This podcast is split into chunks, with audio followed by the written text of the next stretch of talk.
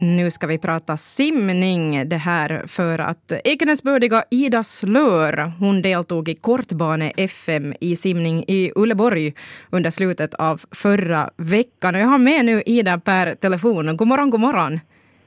God morgon.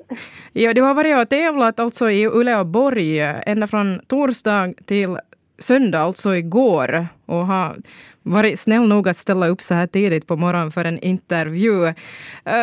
Hur känns det, som sagt, efter flera dagar av tävlingar? Har du vaknat upp med träningsvärk idag? Uh, ja, det här är nog, jag är nog jättetrött. Men uh, det är ju en, en eh, uh, känsla som man känner igen. Att det var ju, uh, jag har ju varit på SM många gånger. Så att, man, man överlever det också. Det är ju kanske ett bevis på att man också har, har gjort någonting ordentligt när det känns i kroppen så att säga. Uh, Ida, du är alltså hemma från Ekenäs men, men bor numera i Esbo och representerar Esbo-klubben Cetus och tävlade som sagt i kortbane-FM nu i, i förra veckan. Uh, hur gick de här tävlingarna? Det är ju kanske den där första spontana frågan som dyker upp. Ja, no, som jag sa då Eh, förra året så sa jag ju att, att jag inte skulle förvänta mig så där jättemycket. Och det gjorde jag liksom inte heller, att jag får liksom dit med så här och tänkte att jag bara far och försöker ha roligt. Och det gick nu inte liksom, med tanke på tiderna så gick det nog inte så bra att jag har varit den här säsongen eh, jag fick i mitten av säsongen så eh, blev jag övertränad och så var jag borta en ganska lång tid och sen efter det så var jag jättemycket sjuk. Att att jag hade liksom otur på den fronten. Men, men helt bra simningar är nog sådär uh, teknikväg att No, och du säger ja. själv att tiderna var inte de bästa, men tekniken var helt bra. Uh, vi amatörer som står vid sidan om så tittar ju på placeringar. Vilken blev din bästa placering eller kanske den som du blev mest nöjd uh, över? Ja, no, jag vet inte. Själv så tänkte jag nu kanske inte heller placeringen var kanske inte det viktigaste eftersom jag jag kunde inte förvänta mig så mycket. Men i 200 ryggsim så, så var jag nu äh, femte i, i den här yngre klassen.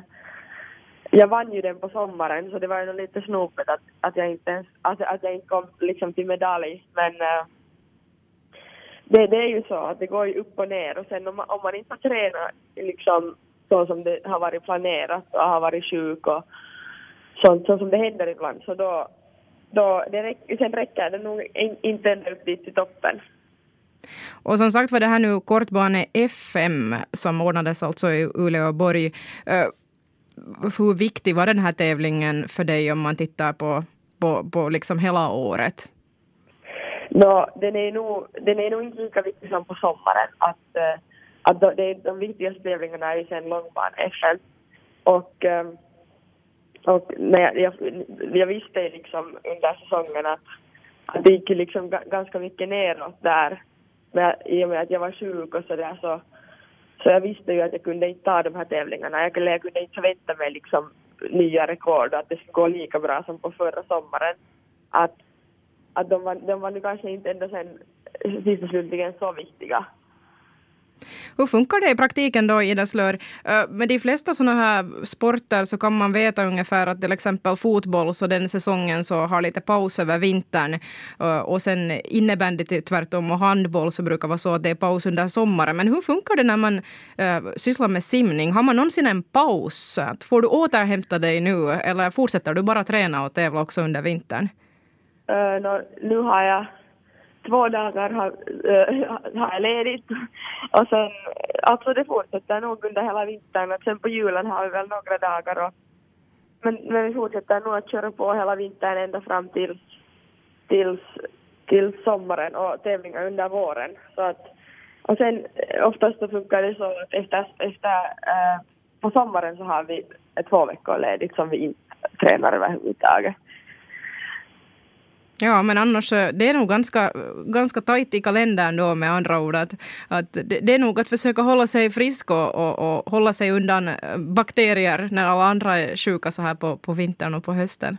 Ja, det är det och, och hård träning gör ju det, det försvagar ju lite immunförsvaret. Det är ju nog, det är nog mycket vanligt till eh, så här idrottare att, att, man, att man blir lätt sjuk vi ska hoppas att du har en bättre vinter nu efter att du har, har, har varit först lite övertränad och sen uh, sjuk här nu under hösten. Men, men Ida Slör, du är alltså 17 år nu. Uh, vad tänker du om målsättningarna om vi ser till exempel på nästa år och, och framåt?